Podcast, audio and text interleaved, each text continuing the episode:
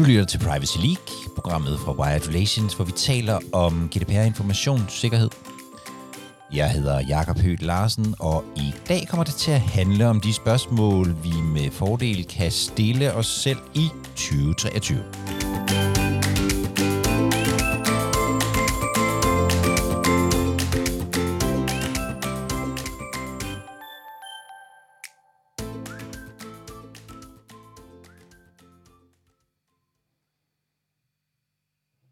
Velkommen til 2023. Det er simpelthen den første podcast, vi laver i det her år. Og øh, vi kører ikke Privacy League live i den her første uge af det nye år, så derfor har jeg sat mig til øh, mikrofonen helt for mig selv. Så det er nu, du skal slutte, hvis, øh, slukke, hvis du virkelig er træt af at høre min stemme. Jeg har øh, i løbet af juleferien faldt jeg over et øh, citat i en bog af en øh, amerikansk juraprofessor, der hedder øh, Ward Farnsworth. Øhm, det var en, øh, i en bog om den sokratiske metode, som man jo bruger meget på amerikanske universiteter, når man, øh, når man træner jurister. Og, øh, og citatet øh, lyder i min øh, danske oversættelse, vi tænker bedst, når vi arbejder på spørgsmål, ikke når vi har svarene.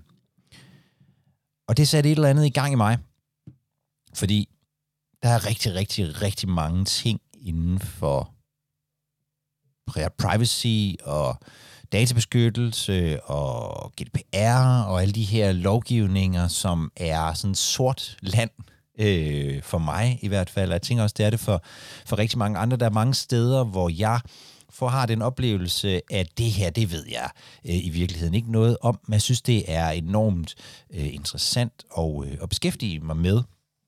Så, så jeg kom til at tænke på, hvad er det egentlig for nogle store spørgsmål, som jeg godt kunne tænke mig at udforske og finde svar på i øh, 2023, eller måske i virkeligheden bare komme tættere på nogle svar i, i, 20, i 2023.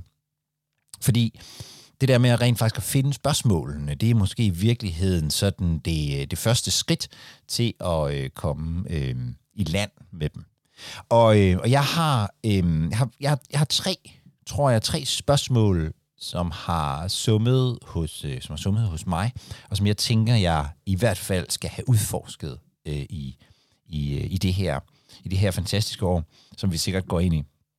Og det første, det handler om, hvordan vi organiserer databeskyttelsen, altså i virksomhederne og organisationerne, så den understøtter en øh, Øh, bæredygtig brug af data. Jeg synes, jeg i 2022 er blevet mere og mere opmærksom på, at vi nok er nødt til at ændre øh, retning. Det ved jeg som ikke, om vi er, men vi er i hvert fald nødt til at forholde os til, hvordan vi organisere os i de virksomheder og organisationer, som vi arbejder i, for at kunne navigere i noget, som er ekstremt øh, kompleks. Jeg kan huske, at jeg talte med øh, Michael Nielsen fra DPU Danmark i en af vores øh, udsendelser for, ah, det er nok efterhånden i virkeligheden mere end et år siden, øh, hvor han sagde, jamen øh, en god, en god GDPR medarbejder skal jo i virkeligheden bare kunne en masse jura, en masse teknik og have forretningsforståelse. Og det er jo i virkeligheden sådan helt grundlæggende øh, den kompleksitet, som vi, øh, som vi arbejder ind i.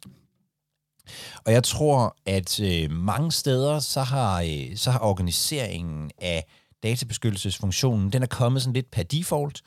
Vi fik en lovgivning, og derfor har det været naturligt ligesom at centralisere noget omkring den her lovgivning. Jeg greb den selv an, det her med persondataforordningen, der hvor jeg var ansat ved at sige, jamen, vi skal finde ud af, hvilke krav stiller den her lovgivning til os, og så skal vi have ligesom tækket det af øh, undervejs. Vi skal have en fortegnelse, vi skal have nogle risikovurderinger, vi skal have styr på vores øh, leverandører, vi skal have nogle databehandleraftaler.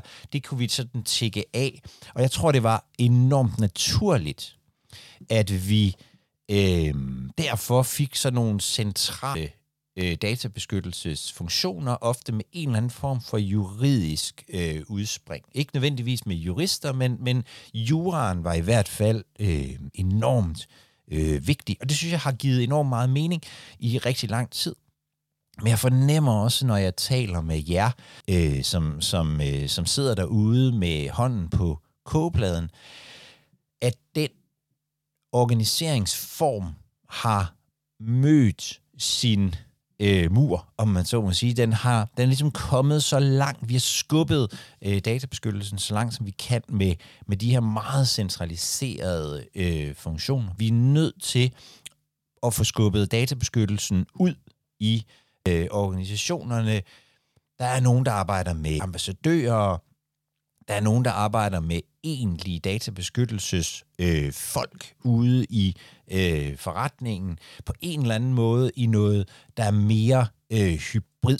Og det kunne jeg virkelig godt tænke mig at undersøge endnu mere i øh, 2023, hvordan vi får arbejdet med den her organisering, hvordan vi får fundet nogle metoder til at organisere os sådan, at vi kan komme helt ud og få skabt bare inden for hele organisationen til, øh, til databeskyttelsen, så vi, så vi i virkeligheden kan øh, understøtte, at vi bliver, øh, i mangel bedre udtryk, bliver bæredygtige i den måde, vi bruger øh, personoplysninger og, øh, og data på.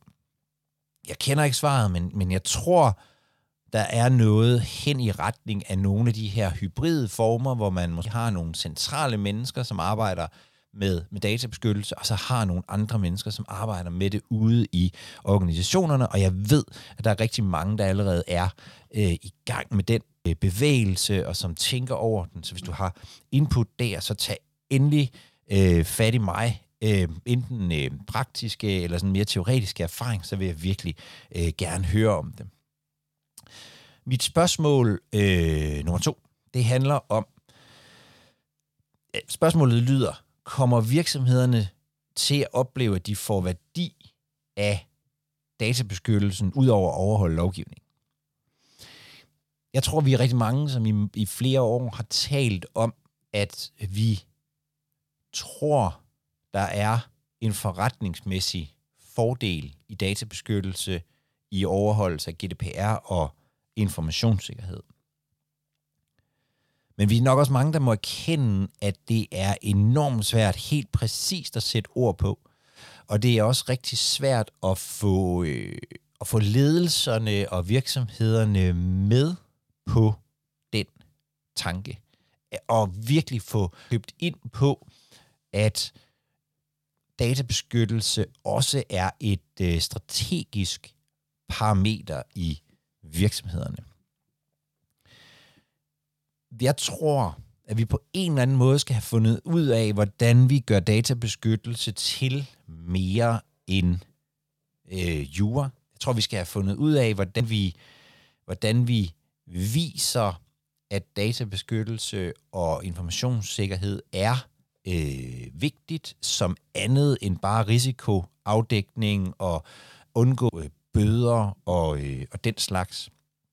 Fordi jeg synes, jeg ser for mange steder, hvor databeskyttelsesfunktionen stadigvæk er denne her sådan lidt funktion på siden, sådan en regulatorisk funktion, som, som kun byder ind, når den bliver spurgt. Øh, nu vil vi gøre det her over i marketing. Må vi det? Ja, nej. Øh, nu vil vi øh, gøre det her med vores øh, HR-system. Må vi det? Ja, nej hvor øh, databeskyttelsen ikke bliver en, øh, en integreret, indarbejdet, strategisk øh, parameter. Og jeg, jeg synes ikke, altså jeg, jeg hører heldigvis om flere og flere, som oplever opbakning fra deres øh, ledelser. Øhm, og, og, og jeg tror, vi skal finde endnu flere øh, værktøjer i 23 til at komme ned ad den vej, hvor det bliver helt naturligt at tænke øh, databeskyttelsen ind i, øh, i strategien øh, i, i virksomheder og organisationer, fordi det simpelthen er vigtigt i sig selv. Og måske, måske ligger øh, måske ligger noget af svaret, noget af løsningen på det i mit øh, spørgsmål nummer, nummer tre. Og mit spørgsmål nummer tre, det er virkelig glæder mig til at udforske i, i 2023, som jeg heller ikke kender svaret på, det er, hvordan får vi mennesket tilbage i arbejdet med databeskyttelsen? Og det er et spørgsmål, som jeg er mere og mere opmærksom på igennem måske andet halvår af, af 2022 i virkeligheden, at når vi har haft et stort fokus på jura, og vi har haft et stort fokus på at være compliant, så bliver det meget nemt sådan, at vi siger, den vigtige interessent i databeskyttelsesarbejdet, jamen det er myndighederne. Det er lidt firkantet sagt, så er det Allan Frank over i datatilsynet, eller, og hans kollegaer. Hvis bare, hvis bare de er tilfredse, når de kommer ud og ser på, hvad det er, vi gør, så er det egentlig fint. Og, og det er jo også igen meget naturligt, vi har været i en situation, hvor vi knap har vidst, hvad reglerne egentlig helt præcist dækkede over og gjorde. Men i det arbejde er det også meget nemt måske at tabe de andre interessenter af syne. Jeg tror, mange af os har arbejdet med, med ledelserne og med, med, med kollegaerne i, i organisationen, også som, som interessenter, for at få, for at få bare ind fra ledelsen og for at, at skabe awareness blandt øh, kollegaerne. Men jeg synes også, at vi har glemt de mennesker, som øh, det vi gør, går ud over. Og det her, det er sat i gåseøjne, fordi det går jo ikke altid ud over dem. Men det er dem, som vi nogle gange med et lidt, jeg synes, det er et skidt udtryk, men vi kalder dem datasubjekter. Øhm, og, og det er jo i virkeligheden, altså alle dem, som vi registrerer oplysninger om, dem, de kommer let til at blive sådan glemt i alt det her. Hvad er det egentlig for nogen? Øhm, hvad er det egentlig for nogle krav, de har til os? Hvad er det egentlig, de gerne vil have, at vi øh, gør. Jeg spurgte for nogle måneder siden ud, dels i Privacy League Live, dels i på min, øh, på min LinkedIn, om der var nogen, der havde erfaringer med at involvere øh, mennesker i databeskyttelsesarbejdet, og det var øh, meget, meget sporadisk, øh, hvordan vi, vi gjorde det.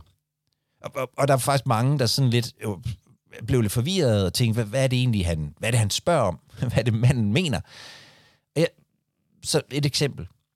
Hvis vi, hvis vi gerne vil lave en ændring på vores webshop, som gør, at vi øh, samler nogle oplysninger ind, som kan hjælpe til, at vi, øh, hvis man, lad os tage et eksempel, hvor man, hvor man øh, hvad hedder det, øh, man har puttet noget i sin, øh, i sin, øh, hvad hedder det, øh, i sin indkøbskurv på, på, på nettet, og så øh, er man gået væk fra hjemmesiden igen, og så samler vi nogle oplysninger ind, der gør, at vi kan sende en, en mail til, til den her person og sige, hov, du, du glemte da vist at, at, at tjekke ud med din, med din vare.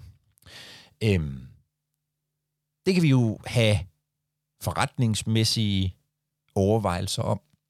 Vi kan have øh, juridiske overvejelser må vi det? Øhm, men hvad med de mennesker, som kommer ind? Overvejer vi, taler vi med dem om, hvad de må? Altså, sætter otte af, eller, øh, jeg vi gerne vil, sætter vi otte af dem ned og siger, hvis vi gør det her, hvad tænker I så reelt øh, om det? Det er jo et eksempel. Et andet eksempel, det, det kunne være, det kunne være, hvis man laver noget på omkring medarbejderne. Det, det, det har været meget sådan noget med overvågning. Øh, altså, hvis nu vi, øh, hvis nu vi, vi hvis nu vi installerer noget, hvis nu I kan få nogle flere hjemmearbejdsdage mod, at vi øh, overvåger, om I sidder ved jeres øh, computer, hvad tænker I så om det? Altså i virkeligheden de her øh, samtaler med de mennesker, som, som det som det, øh, som det går ud over, når vi gør noget. De mennesker, som er påvirket af det, øh, vi gør. Jeg sidder sådan og tænker på, om når vi beskriver en behandlingsaktivitet, så, så har vi jo en masse jura, vi har en masse om, hvordan og hvad er det for nogle systemer, der indgår i det her. Men dokumenterer vi også, kunne vi dokumentere, hvad de mennesker, som er omfattet af behandlingsaktiviteten, egentlig tænker om det? Kunne vi lave nogle fokusgrupper eller nogle, nogle, nogle kvantitative undersøgelser øhm, af det? Det har jeg sådan en fornemmelse af godt kunne blive interessant, øh, når vi når vi går øh, fremad. Af, af mange forskellige årsager. Dels fordi, jeg synes, man skal...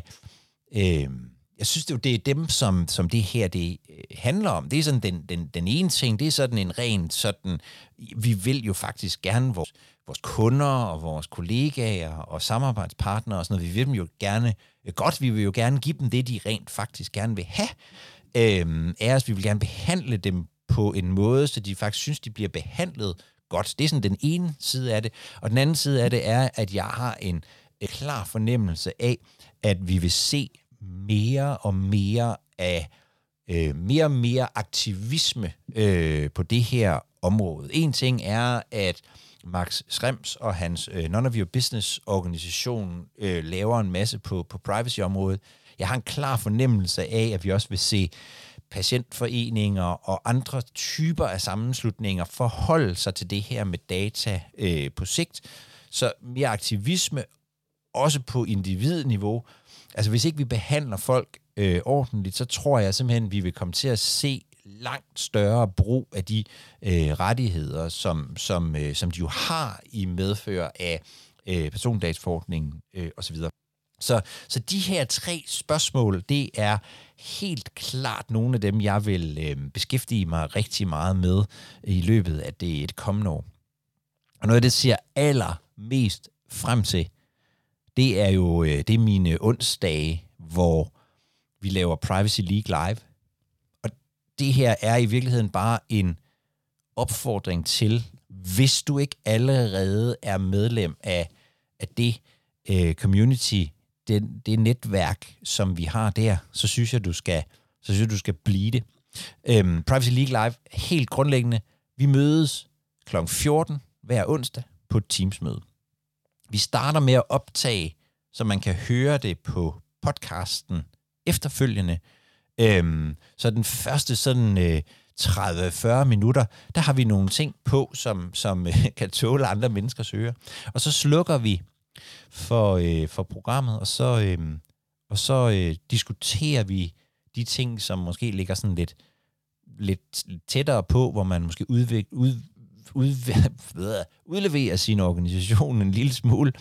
Øhm, og øh, vi har hørt om øh, sådan en, nogen, der havde tilsyn, så sådan rent praktisk, hvordan foregår det og sådan noget. Vi har, der har været, øh, jamen, der har været mange øh, spørgsmål om, øh, hvad, hvad, hvad gør I på, med, med MailChimp eller Analytics, som har været sådan lidt, lidt dybere der. Jeg håber virkelig, at du vil, øh, at du vil blive medlem øh, af, af det netværk.